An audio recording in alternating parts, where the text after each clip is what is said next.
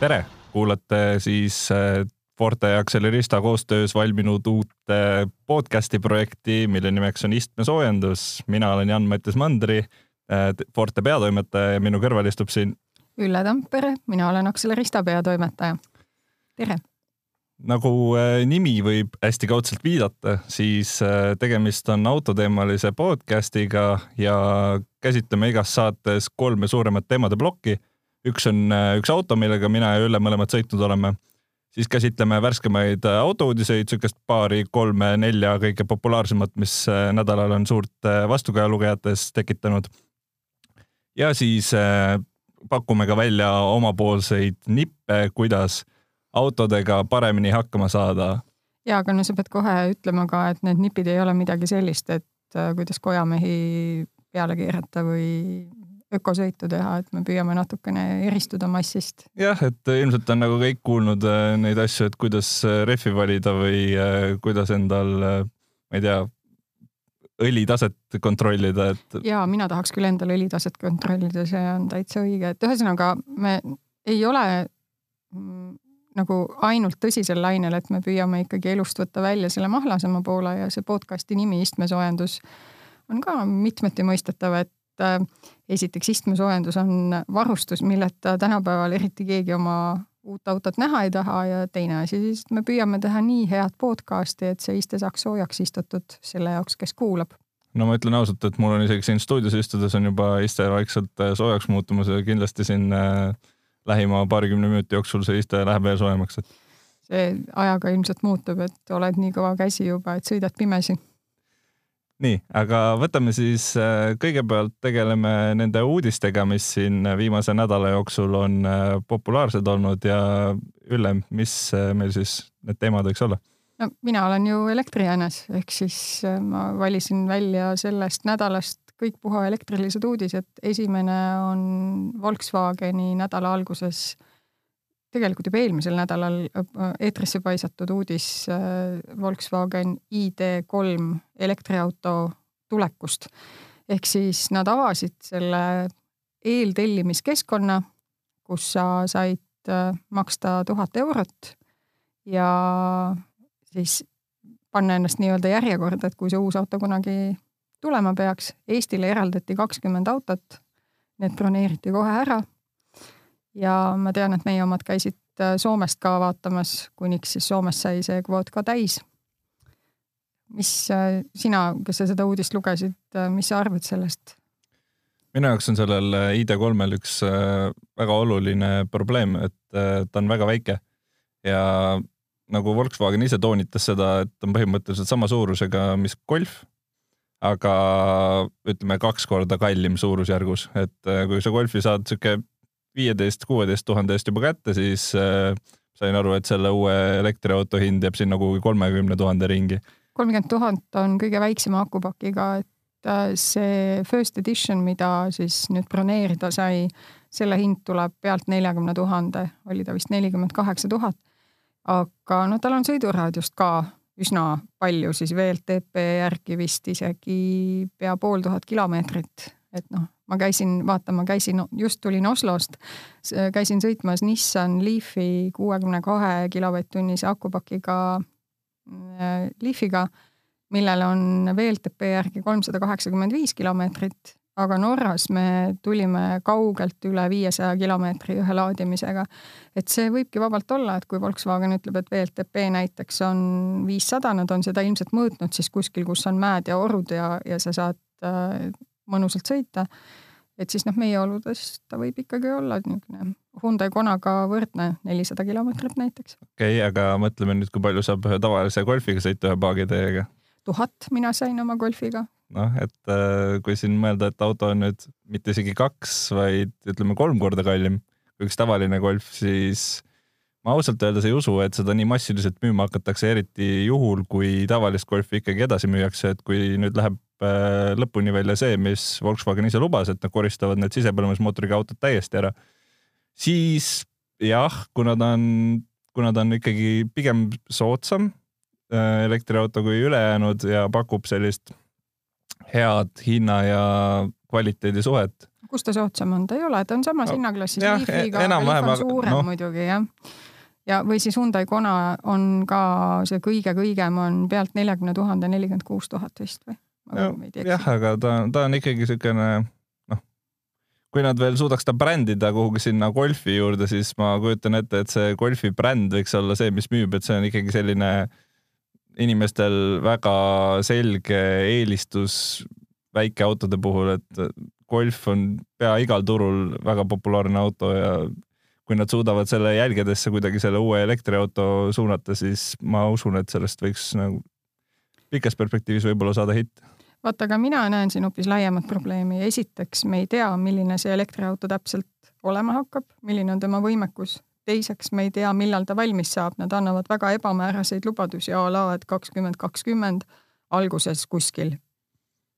nojah, aga kui, kui nüüd äh, vaadata seda eelbroneerimist, siis noh, see ei ole mingi väga müstiline number, mis need eelbroneerimised seal ära tehti, aga ometigi näitab see, et tegelikult inimestel vähemalt mingil määral usku sellesse asjasse on. tead, see valikut on praegu vähe ja kui sa mõtled, mis Tesla Model kolm tegi nüüd siis juba vist peaaegu kolm aastat tagasi, eks ole, kui, kui lubati, et tuleb nii-öelda rahva Tesla, siis noh, sellega ei ole Volkswagenil midagi kõrvuti panna ja Oslos on noh, ma ei liialda, kui ma ütlen, et iga kolmas auto ongi Tesla ja Model kolmesid on hästi palju ja Model kolme möödunud kuul näiteks viis tuhat üle viie tuhande siis müüdi Norras.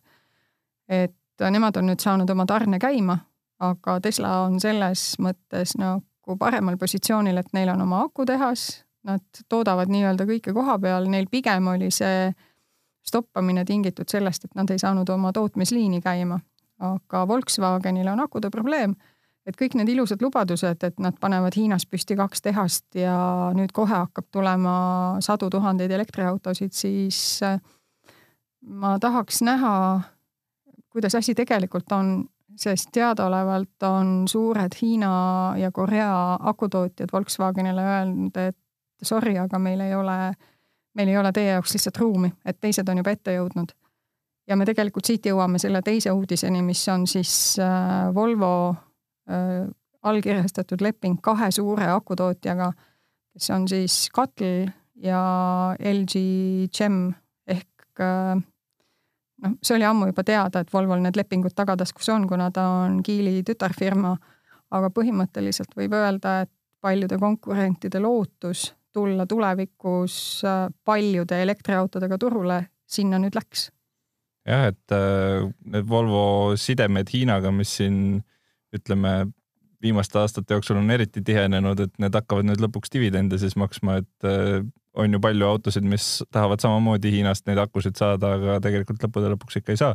ja sa oled ise väga põhjalikult ka kirjutanud selle kohta, et kust need akud siis ikkagi lõpuks tulevad ja kust need materjalid selle jaoks tulevad, et neid akusid toota, et äh, see on see probleem, mida sa nagu ise oled väga palju viidanud, et no monopoolses seisus on Hiina, kelle käes on ressursid ja kes ka on kõige ägedam akude tootja, et kui me räägime praegu siin mõnest üksikust nimest, mis Euroopa autotootjatega lepinguid teevad, siis äh, kõige suurem elektriautode tootja maailmas on BYD Büüd, võiks vist teda nimetada, nemad on ka Hiinas ja noh, vot seesama jälle, et Volkswagen ütles, et vau wow,, me hakkame tootma rohkem, kui äh, Tesla toodab, siis äh, te olete jälle natukene millestki valesti aru saanud, sest kõige suurem maailma elektriautode tootja täna on hiinlaste Büüd. Nad teevad äh, nii väikeseid elektriautosid, busse, ühistransporti ühesõnaga, nad ongi sellele keskendunud ja Püüdil on väga selge visioon lähiaastatel maailmaturule laienemisest. sama on ka Geelil, kes on siis Volvo emafirma. nii et noh, ma arvangi, et kui, kui sa ei ole Hiinas või isegi kui sa oled Hiinas, aga kui sa ei ole Hiina valitsuse toel tegutsev autotootja, siis sul on päris raske tänases konkurentsis ellu jääda. sest äh, isegi kui sa saad akud, siis antakse neid akusid sulle vastavalt sellele, kuidas on ressurssi. Mm -hmm.. noh, koobalt on nüüd üks selline maavara, millest ma olen ka pikemalt kirjutanud, et koobaltivarud on hiinlaste käes ja šveitslased, kes on äh, maailmas siis ka kolmandal kohal vist suuruselt, müüvad oma koobaltit, arva ära kellele äh,. hiinlastele. just.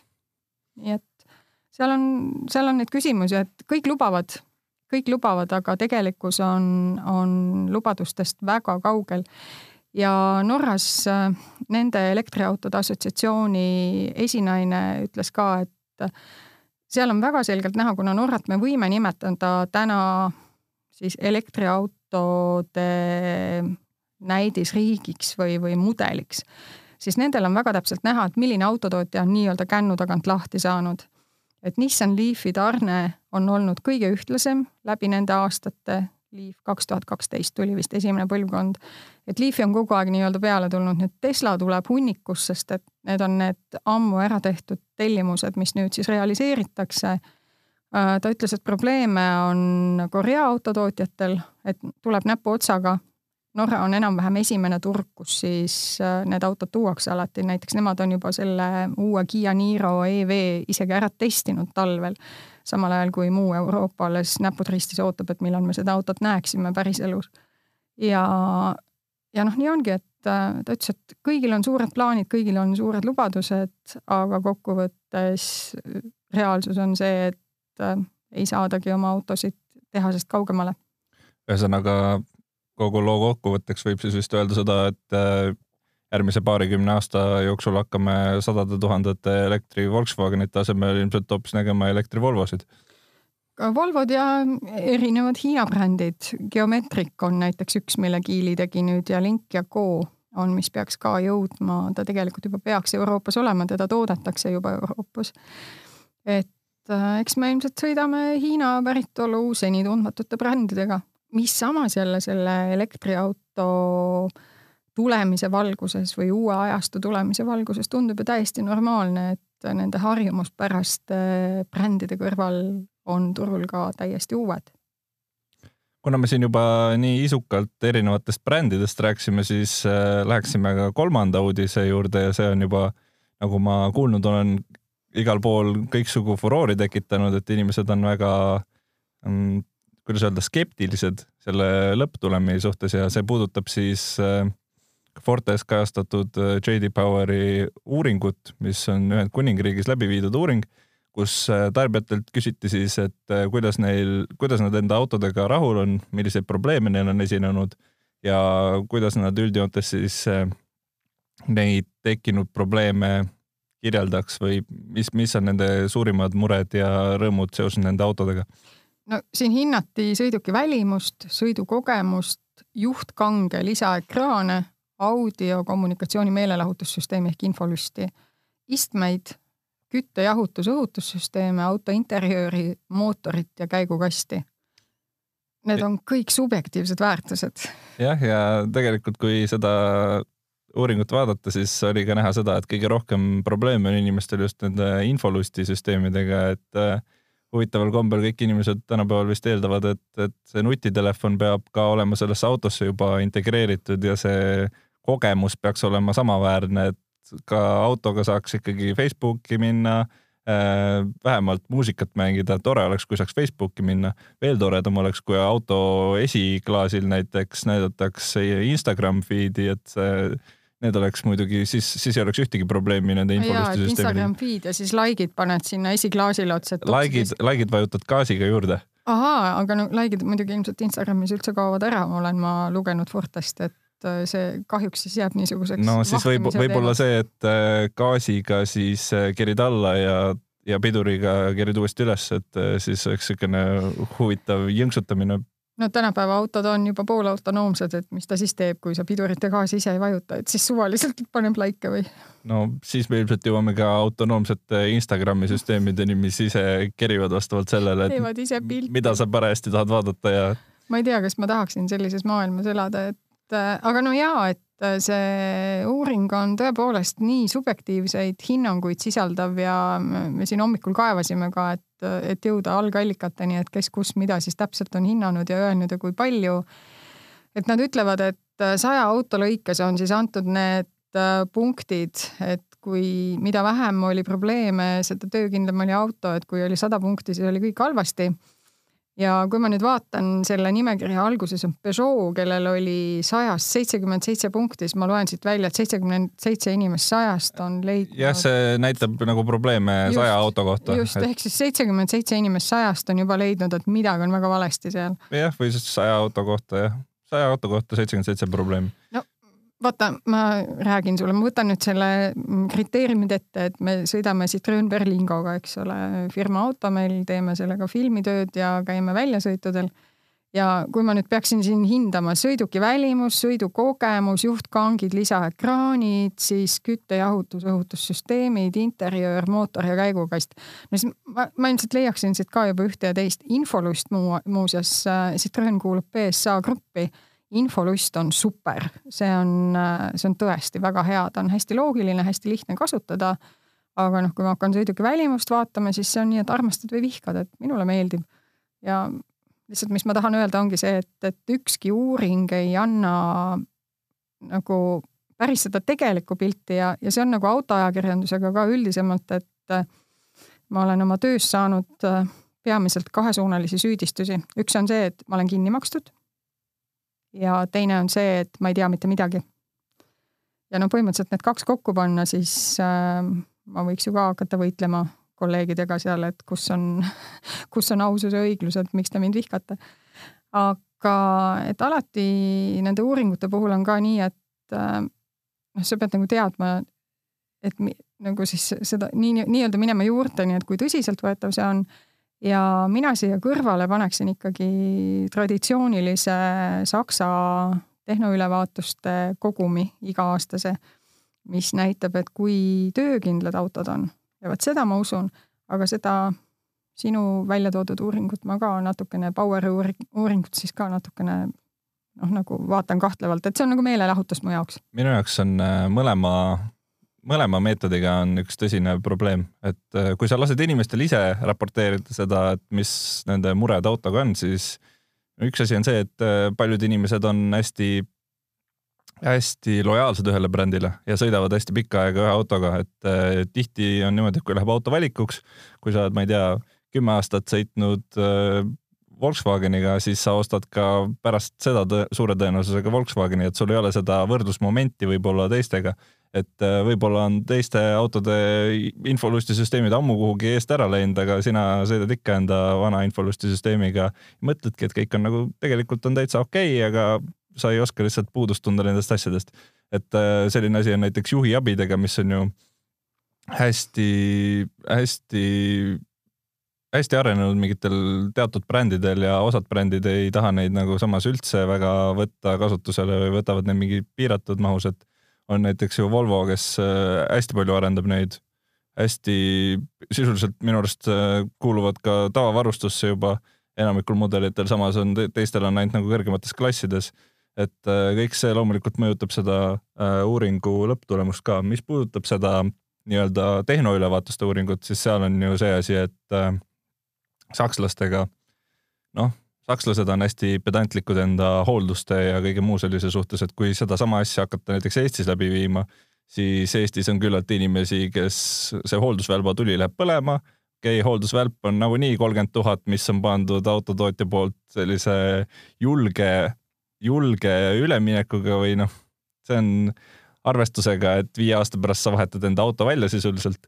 ehk siis ähm, kui sa juba selle kolmekümne tuhandese hooldusvälba üle lased siis see tegelikult tähendab seda, et su auto on noh, pigem kehvapoolses seisukorras. absoluutselt, no see on mul just äh, üks sõber küsis Facebookis nõu, et ta oli valimas omale kasutatud autot ja nagu esimene, esimene lähtekoht kasutatud auto puhul on see, et sa tegelikult ei või ju äh, nii-öelda põrsast kotis osta. aga sealt edasi on tõesti see, et mis su võimalused on ja, ja mis su tahtmised on ja siis ta valis ja valis ja valis ja lõpuks maandus ikka sellesama mudeli peale, mis tal juba oli ja see oli Toyota Auris.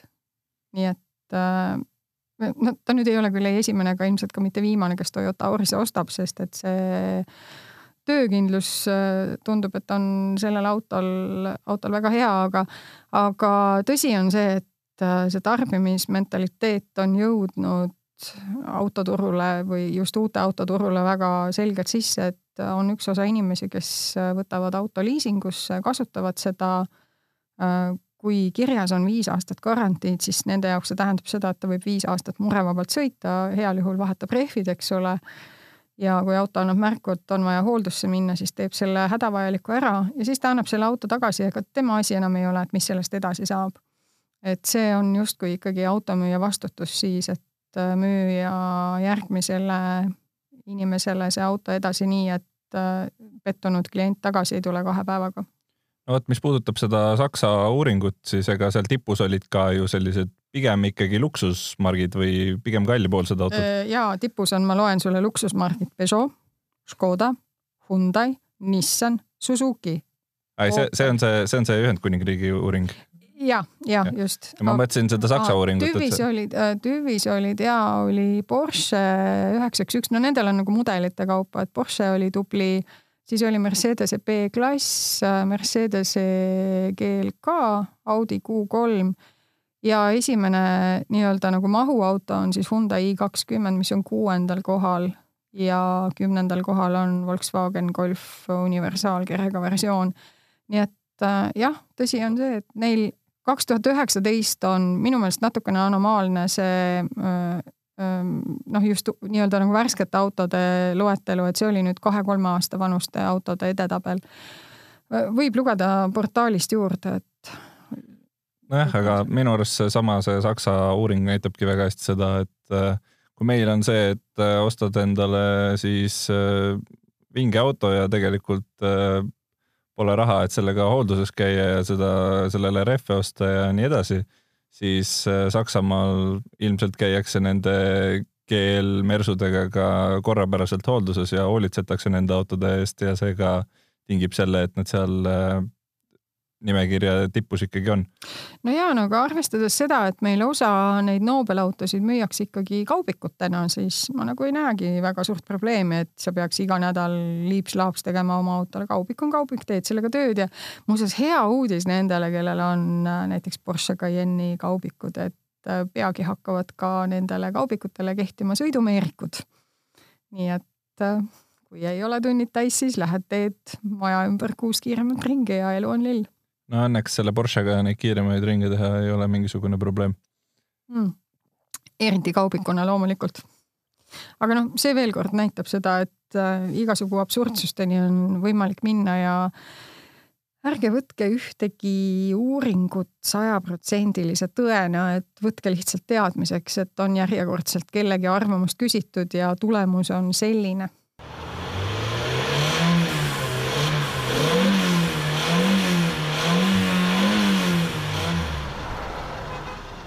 nii.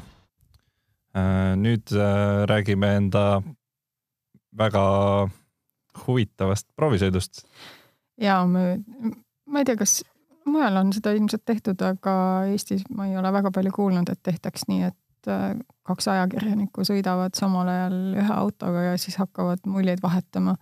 ja isegi kui neid on kaks tükki või rohkem, kes muljeid vahetavad, siis meie puhul on nii tore see, et me oleme nii erinevad, et ma natuke täpsustaks veel, et äh, me ei sõida ikkagi samal ajal, vaid me sõidame ikkagi teineteisest sõltumatult, et me ei ole isegi, ei ole isegi samas autos, et noh, auto on sama, aga erinevatel ja, aegadel. just, et, et me sõidame sama autoga, mõni, mõnel juhul läheb õnneks, et saame kumbki oma auto ja siis kumbki läheb oma teed.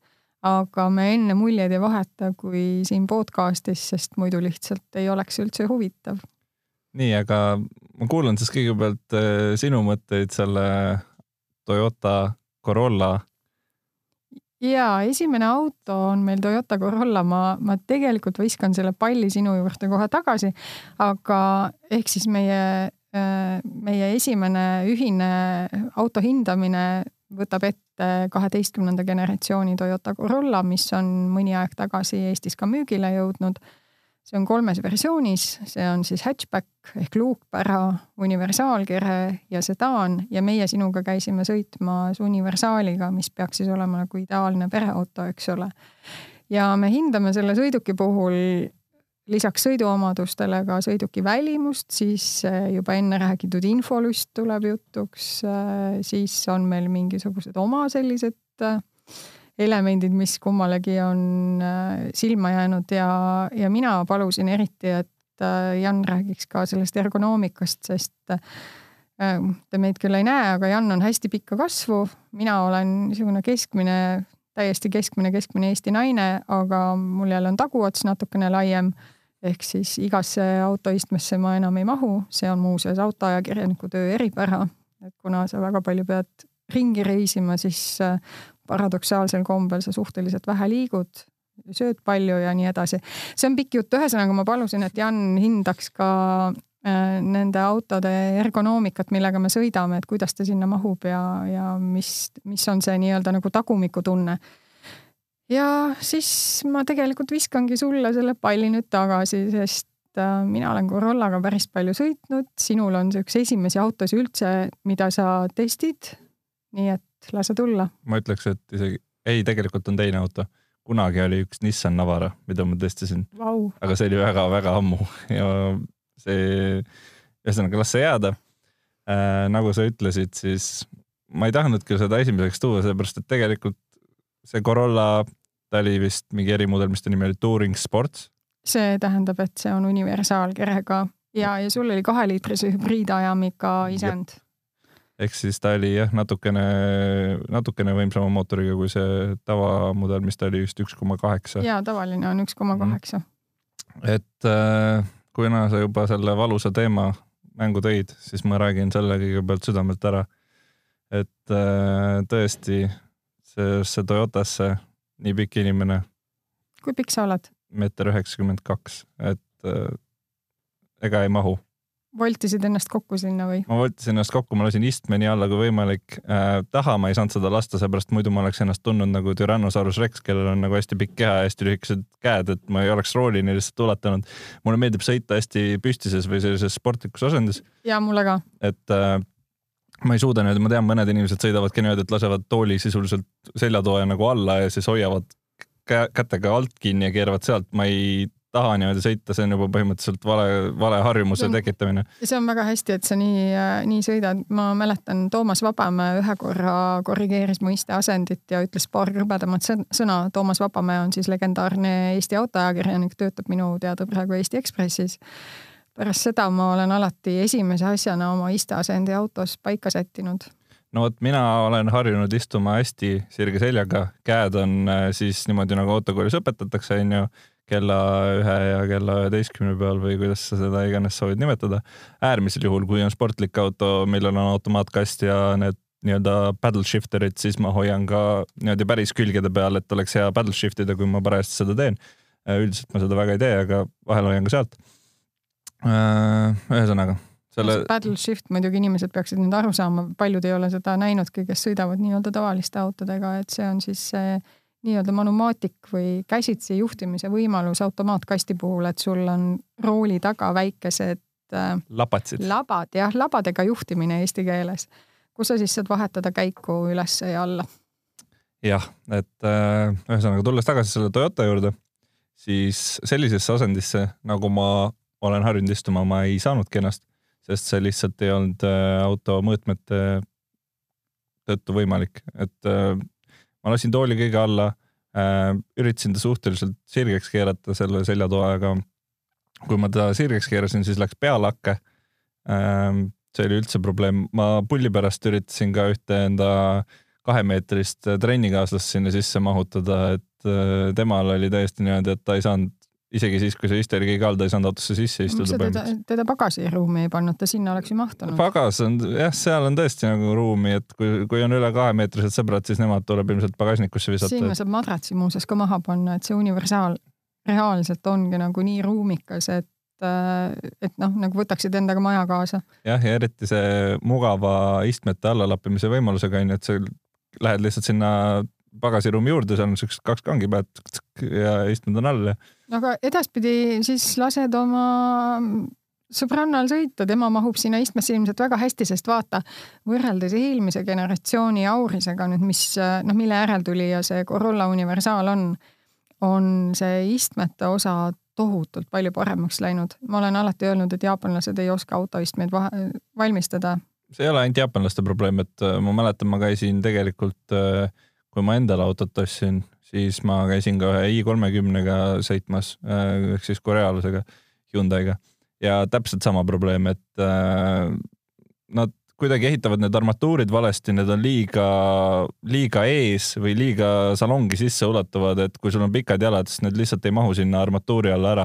oi, nüüd ma saan sulle vahele öelda, et ükski autotootja minu teada ei ole teinud sellist autot, kus armatuur salongi ulataks. salong on see koht, kus autosid müüakse, me räägime kabiinist no nimeta, kuidas tahad, ma arvan, enamik saab aru, mida ma salongi all mõtlesin, aga point on selles, et, et jalad sinna selle armatuurlaua alla ära ei mahu ja see on. aga mis sa siis oled nii pikk, ole minusugune, meeter seitsekümmend ja mul on täiesti suurepärane istuda. noh, ütleme nii, et äh, keskmise, keskmisele inimesele täiesti ideaalne keskmine auto, et äh, rääkides keskmistest, siis äh, mis puudutab kütusekulu, siis mul on ilmselt jalg lisaks sellele, et ta on liiga pikk, ka liiga raske, et ma suutsin seal keskmisena välja pigistada kuus koma kolm oi, nii hea tulemus. et äh,. kas sa sõitsid ainult linnas või sa sõitsid? ma sõitsin kombineeritult tegelikult, et mul on piisavalt siukseid pikkasid maanteelõike ja, ja sõitsin ka linnas et.... aga no see on päris hea tulemus, sest tegu on sissesõitmata autoga. see isend, millega me mõlemad siin Eestis sõitsime, oli mingi paarsada kilomeetrit ees. Ta on sissesõitmata äh, hübriidajami puhul, me, meil on kaheliitrine ajam, mis ongi võimas ja sportlik tegelikult. Äh, siis hübriidajami puhul selle tegelikud eelised tulevad välja linnaliikluses, et maanteel ta ongi nagu tavaline bensukas ja kui sa ütled, et sul oli kuus koma midagi, siis see on väga hea tulemus, sest noh, minul ei õnnestunud sinnamaani küündida just Eestis. Need teed on kehvad. mis sa siis kätte said sealt keskmisena? ma ei julge seda öelda, alla kaheksa natuke jäi. noh, tundub, et äh, lühem jalg on siis raskem no jah, noh jah, nagu öeldud, iste on mõnus ja kõik on hea ja siis nii, aga ei, üldiselt mulle meeldib, et, et võrreldes eelmise generatsiooniga on see arenguhüpe olnud ikka päris suur, aga nad muidugi vahetasid platvormi ka, et nad on DNGA platvormil, nii et äh,. mõned asjad, mis ma tahaks veel isiklikult välja tuua, ei, tegelikult mind üllatas äh, meeldivalt enda sportlikkusega või ma ei ütleks sportlikkusega, aga just äh, vedrustusega näiteks. Et äh, kui tavaliselt on, äh, kas vedrustus on liiga, liiga pehme või ta on liiga jäik, siis ma ütleks, et selle auto puhul oli tegelikult vedrustus oli sisuliselt ideaalne, et kui ma sõidan enda autoga, mul on hästi jäik vedrustus, et ma tunnen sisuliselt iga väiksema kivitüki ja mis iganes kaevukaane luugi ära, mis, mis üldse seal, seal äh, tee peal ette jääb, siis sellega, selle Toyotaga oli täpselt see, et äh, kui olid augud, aukudest lähed läbi, pole probleemi, kõik oli pehme, ma ütleks, et isegi linnas isegi sihuke natukene unine või, või liiga mugav oli istuda isegi. ja vaata, me käisime otsimas Tallinna viite kõige kehvemat tänavat just nimelt sellesama universaalkärjega Corollaga ja, ja siis kui autos olles tundus, et nagu polegi väga hullu, siis kui läksid välja ja pärast veel pildistama teise autoga, siis tundus oi-oi, et tegelikult vist me magasime selle tänava siin maha. et on tõsi ja on, on hea, vedrustus on hea. ja teine asi oli see, et kui ikka kurvi minna Äh, sihukesesse korraliku raadiusega kurvi kuuekümnega, siis ta ei ole, ta ei ole ka nii äh, lõtv, et ta hakkaks seal niimoodi kõikuma, et ta püsis ikkagi ilusti teel. Äh, kõik oli stabiilne, isegi kui hooga üritada kurvi väänata sirgeks sisuliselt. et ma ütleks, et see oli kindlasti meeldiv üllatus minu jaoks, et ja, ja teine asi on ka sportlikkus, et ta läks tegelikult edasi, kui vajutada gaasi, et ma ma ei tea, mul ei ole teiste hübriidide kogemust, aga ma kaldun arvama, et see nagu päris nii lihtne kõigi teiste hübriididega ei ole ma ei tea, noh, Toyota ise on oma hübriide ka arendanud, vaata, nad on nüüd ühed vähesed, kellel on veel see nii-öelda iselaadiv hübriid ehk siis äh, millel ei ole saba eraldi taga. ja nad olid esimesed, kes tulid selle iselaadivaga välja, Toyota Prius siis. ja nüüd siis on nad seda edasi seal arendanud ja minu meelest üsna edukalt just nimelt neid Äh, seda noh, siis jõuallika dünaamikat saanud parandada, et ta ei ole enam selline umps, vaid et ta ongi algusest peale kuni üsna lõpuni välja ikkagi päris kõrgete pööreteni on selline ergas. Jah, seda dünaamikat ma mainiks veel seda ka, et see üleminek on hästi sujuv, et sisuliselt ei saa aru, et millal on elekter töötab ja millal see nagu sisepõlemismootor sinna taha tuleb. et see käib niivõrd sujuvalt, et äh, ei teki mingit sellist vastikut jõnksu või ülemineku hetke, et et see lihtsalt äh, toimub nagu normaalse autoga sõidaks, et seal ei ole mingit erinevat tunnetust. ja, ja, ja noh, kes nüüd jälle tahaks võtta suu vett täis, et mis Toyota, siis siin on nagu see põhjus, et esiteks äh, Corolla oli nüüd äh, aprillikuus jälle äh, müüdumate autode edetabeli tipus, just see uus Corolla. ja siis noh, kes ei taha osta Toyotat, võib osta Lexuse, et sealt pealt leiab needsamad jõuallikad, mis nad jagavad ju omavahel kontsernisiseselt, et jah, ja kui oled pikk inimene ja tahad osta Toyotat, siis alati saab ju vaadata ka maasturite poole, et äh, sinna ilmselt mahuvad pikemad jalad ka ära. ja noh, vot ma ei tea, ma ei ole nii pikk kui sina, ma ei oska öelda, et ma, ma võin nagu enda eest rääkida, et mulle väga meeldis, et mulle muidugi meeldib nendest Corolladest kõige enam luukpära, mis ongi nagu minu meelest väga selgelt naiste auto. ma käisin esitlusel kusagil Eestist välja, väljapool, kus oli palju üle ilma naisajakirjanikke ja see, see reaalselt see oligi niiviisi, et see Corolla hatchback oli ümbritsetud kogu aeg sellistest ohkavatest ja imetlevatest naisterahvastest. ja, ja noh, kui meie siin oleme hübriididega üsna harjunud, et hübriidid äh, moodustavad Toyota müügist valdava osa, siis mujal maailmas on see hübriidajam ikkagi veel selline, et no ei tea, et kas ta ikka on hea või et ikka tahaks vana head diiselmootorit, et siis mina ei tea. Toyota puhul võib küll öelda, et ma oma igapäevaautoks päris tõsiselt ostaksin äh, hatchbacki kaheliitrise hübriidiga. ma ütleks äh, veel selle naiste teema pealt kohe kommentaari, et äh, käisin autoga, võtsin oma ema peale ja tema ütles ka selle kohta, et nii lahe auto, et talle hullult meeldib, et ilmselt see ongi pigem sihuke naiste auto või ma ei tea. Kas sa tead, kes otsustab auto ostu peres? noh, eks see oleneb perest sul on soovmõtlemine, kes otsustab äh,? kindlasti naine. jah, enamusel juhtudest, kui naine on majapidamises, siis naine ütleb, et selle auto me võtame. no sellepärast meil nii palju Toyotasid siis ongi. ma arvan, et Toyotasid on meil mitmel põhjusel palju, et isegi kui nüüd seda uue Corolla hinna-kvaliteedi suhet vaadata, siis äh, noh, ta on nagu mõistlik ost ja sa tead, et sa see viis aastat siis kui sa selle endale võtad, et sul sisuliselt muret ei ole, sellele hübriidajamile antakse kümme aastat garantiid. ja, ja noh, kui nüüd vaadata neid erinevaid aruandeid, siis Toyota on ikkagi kõrgetel kohtadel just selle tõttu, et ta on igavene, et mul on mitu Toyota omanikust tuttavad, kes ütlevad, et sellel autol on kõige suurem viga see, et ta on igavene, et et ei raatsi välja vahetada, sest ei või teada, millal sa järgmiseks saad. minu arust on äh, see igavene ka võrdlemisi igav et äh, kui sõita Toyotaga, siis ütleme ausalt, ega keegi sulle ilmselt äh, tänaval järgi vaatama ei jää. Sõbrad nagu ülistavalt kiitma ei hakka, et kui lahe auto, kui sa just Supraga ei sõida. Aga Corollaga on kindlasti see, et sa oled niisugune hall mass, aga mõnes mõttes on see ka hea, et nagu sa ütlesid, head, väga head ülal, ülalpidamiskulud on ju.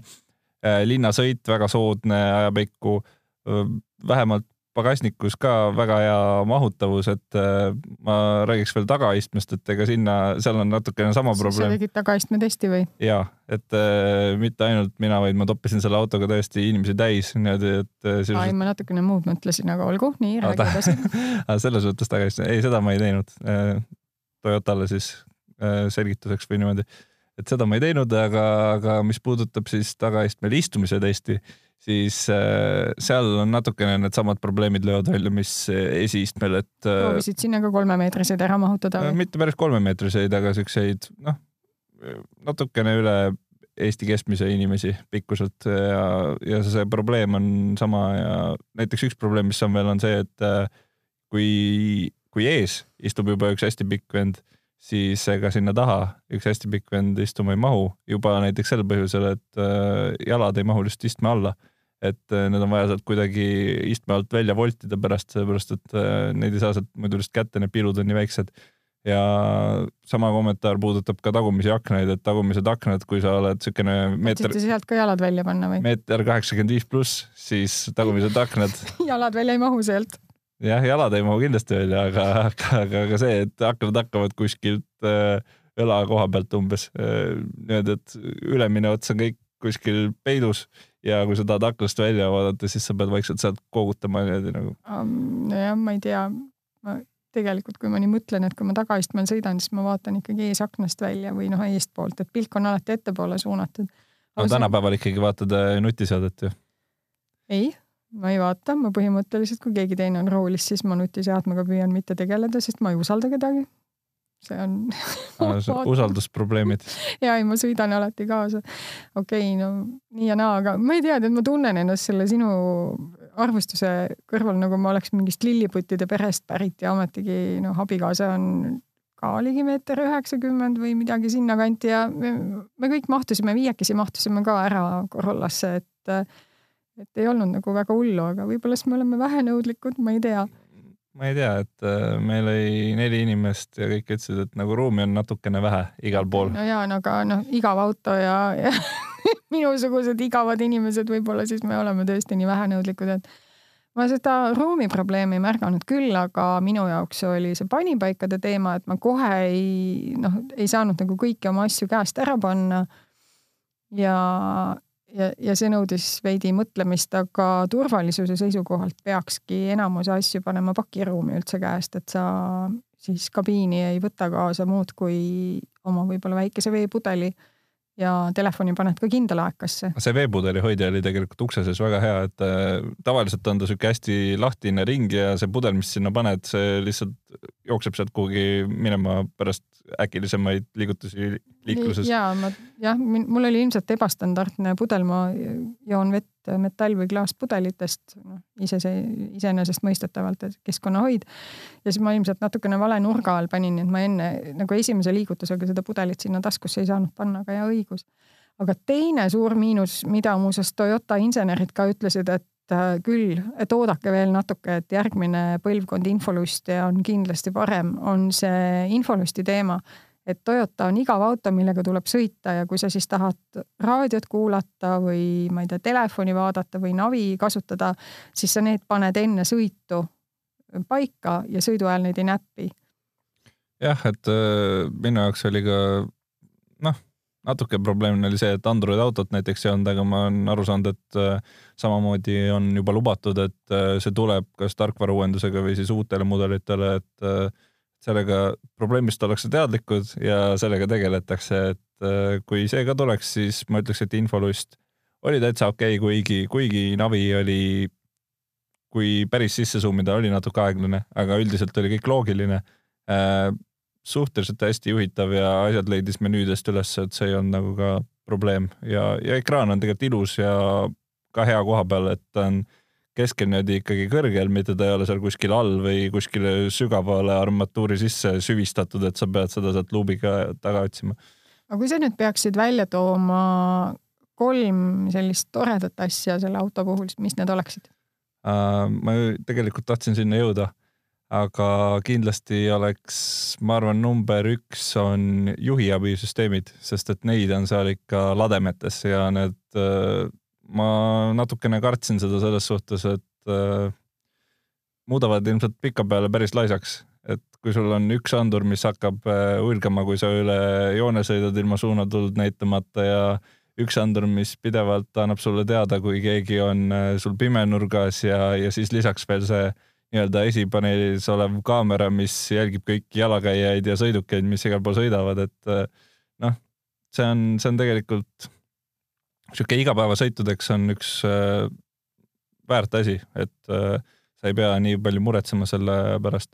teine asi, mis minu arust on väga kihvt, on see pisike projitseeritud ekraan, mis on äh, Toyota sinna, kui istuda esi, esiistuja äh, koha peal, siis on niisugune väikene nagu äh, klaasist osa, kuhu, kuhu kuvatakse siis need sõiduandmed, et äh, nii spidomeeter kui ka erinevad äh, muud, seal on see näiteks, kui adaptiivne püsikiiruse hoidik sisse panna, siis näitab selle andmeid seal ja samuti näitab mingeid ökosõidu andmeid ja seda, et missuguses selles faasis sa parajasti sõidad.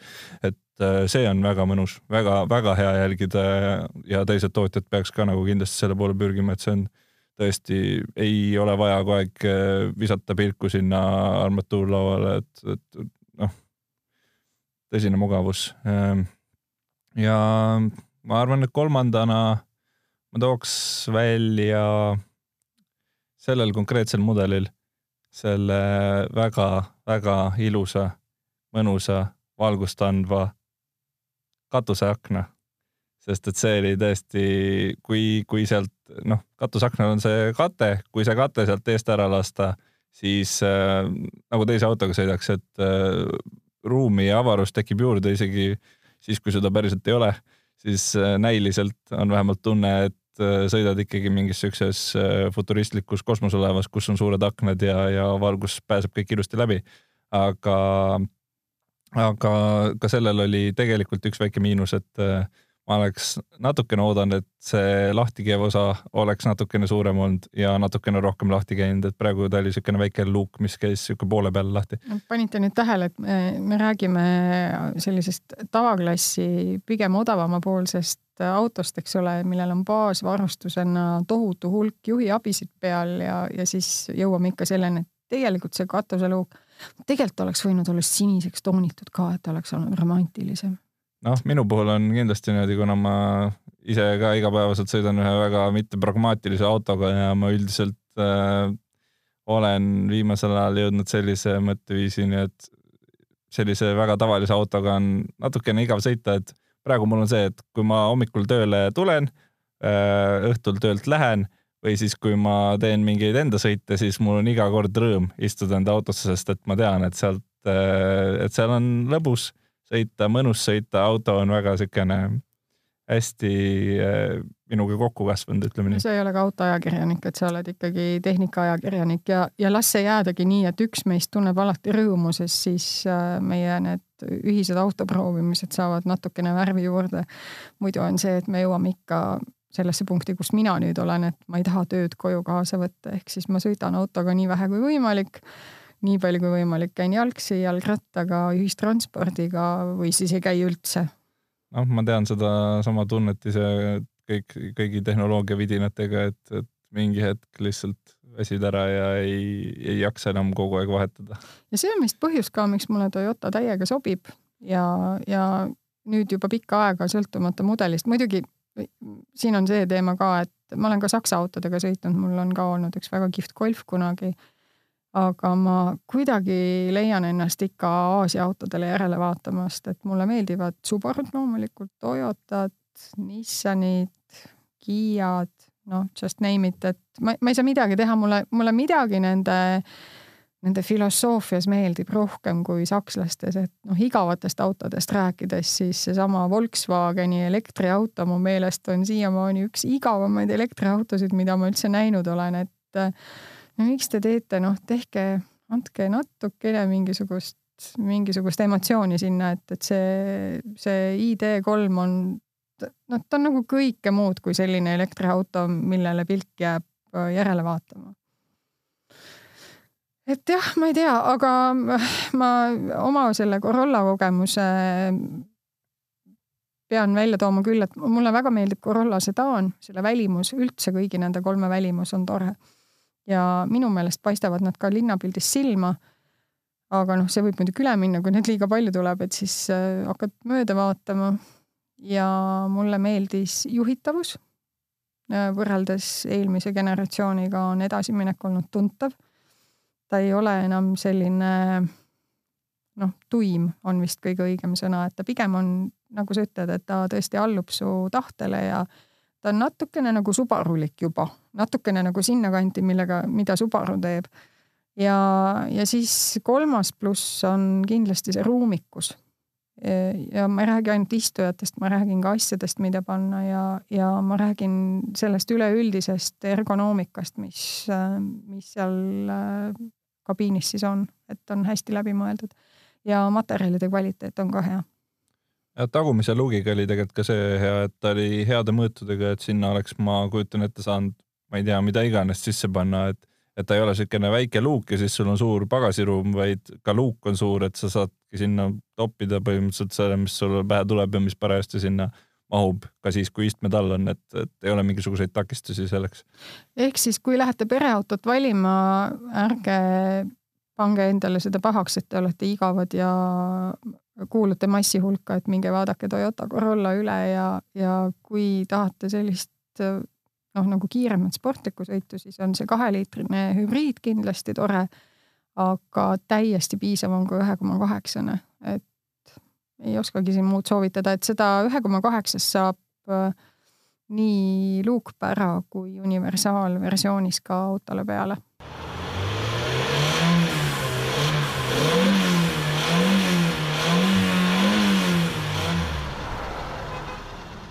ja lähme nüüd siis kolmanda osa juurde ja räägime taksojuhtidest ja Tinderist või? nojah, põhimõtteliselt jah, see kolmas osa on siis nüüd see koht, kus me hakkame jagama eluks vajalikke nippe ja teeme seda omal moel, et äh, ei õpeta kojameeste vahetamist.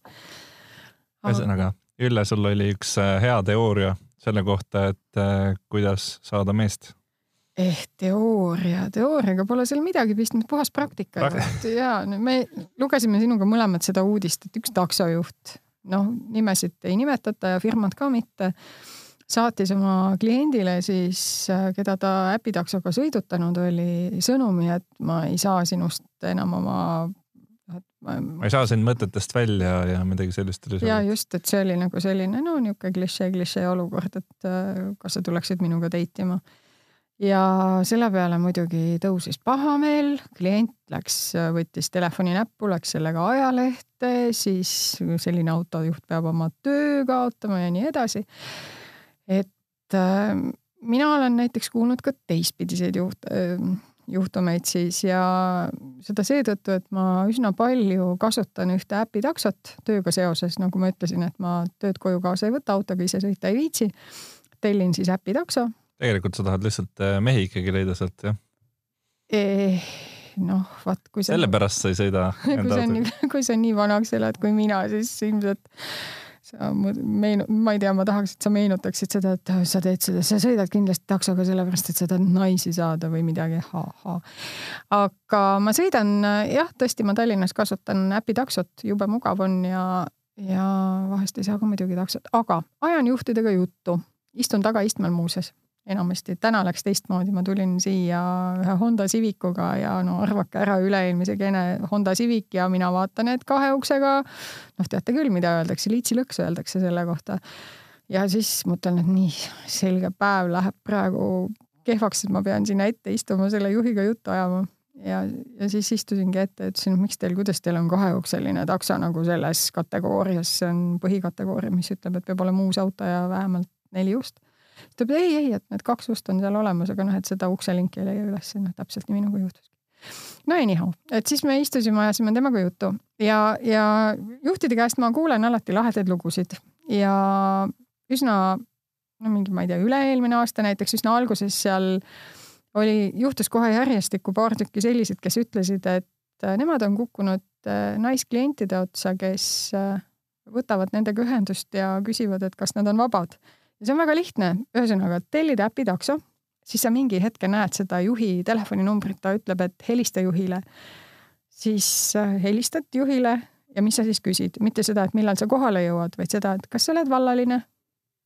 ja siis, kui ei ole vallaline, siis cancel dad, no tänapäeval sa maksad selle cancel damise eest või, või äraütlemise eest siis natukene valuraha ka. no aga lõppude lõpuks tuleb ikkagi odavam, kui käia nagu hunnikutel luhtunud pimekohtingutel ja, ja noh, minu meelest see Tinder ilmselt läheb üksinda ka igavaks, eks ole, et kaua sa seda siis seal. no alati saab näiteks kaks ühes, et sa, sa kõigepealt swipe'id endale kellegi Tinderist ja siis lased sellel taksol ta kohale tuua ka veel ja siis saad kaks meest uh,. ma ei tea, sa laseksid kellegi Tinderist endale kohale tuua nagu päriselt või? no valik, valik on ju suurem sa.... tehnikaajakirjanik ütleb, et oo oh, Tinderist ja kutsun ta kohe endale külla, kust sa tead, kes sul seal tuleb üldse no see ei ole ju mingisugune nii suur probleem, vähemalt mitte minu jaoks, et. ja okay, muidugi, sest et sa oled mina... kolmemeetrine, aga minu no. jaoks on küll ilmselt. naistega on see natuke teine asi, et kui, kui mina Tinderist laseks kellegi kohale tuua äh,, ma ei usu, et see nagu, et, et see võiks olla keegi nii ohtlik, et tema ma, põgeneb jah? et see võiks olla keegi nii ohtlik, et ma peaks enda heaolu pärast muretama. no ma ei tea, Tinderis on mingi kauni daami pilt ja siis kohale tuleb selline sinupikkune karvane olevus, noh, mis sa teed siis? ütlen, et oli meeldiv tutvuda ah, ah, ah, ah. no ja vot, ma ei tea, mina nagu nende kohtingute puhul siiski soovitaksin kõigil järgida seda esimest reeglit, et mitte kunagi ära kutsu kedagi oma koju, koju, kui sa ei ole teda silmast silma näinud, et. ja välja arvatud, kui ta tuleb taksoga. ei, no vaata nende taksojuhtidega on ka ju see, et siis ta, sa kutsud ta maja ette, eks ole, aga. teise maja ette tuleb lihtsalt kutsuda ühesõnaga. ja, aga see eluhäkk on hea, tõsi, naisterahvad üksikud, noh, see on siis nagu praktikas järele proovitud ja pidavad toimima, et Äh, neid äpitaksos, äpitaksod sõidavad tihtipeale meesterahvad, kes on, kellel on aega. sest no raha seal ju väga ei teeni, eks ole. et neil on aega, nad teevad seda tööd lusti pärast ja nende hulgas vabalt võib olla selliseid mehi, kes on, on vabad.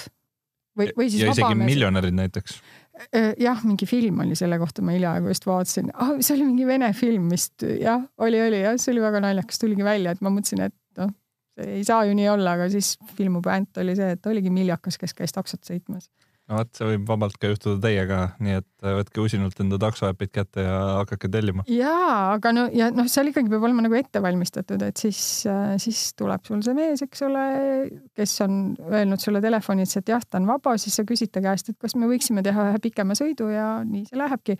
aga see kõik on okei okay, sinnamaani, kuni mõlemad on nõus ja see on okei okay ka selles mõttes, et noh, siis ei ole vaja meediasse joosta, kui tal näiteks olid jalad liiga karvased või ma ei tea, hääl ei meeldinud või mingi muu jama seal oli, eks ole, või et no ma ei tea, ta ei ole, ta ei jaga veinidest midagi, et siis noh, ei ole vaja meediasse minna, et seni, kuni see jääb kõik kenasti teie vahele ja on mõlema osapoole nõusolekul toimunud, siis minu meelest see on täiesti okei okay life hack ja selle noodiga siis sellekordse istmesoojenduse lõpetame ja loodetavasti saame teie istet soojendada ka järgmisel nädalal ja meil on muuseas järgmisel nädalal äh, uus mudel, mis, millega me juba oleme mõlemad proovisõitu teinud, me isegi teame, mis see on, see on Peugeot viissada kaheksa GT. vot, nii et äh, järgmisel korral kuulake meid jälle ja aitäh kuulamast. ja tore, tšau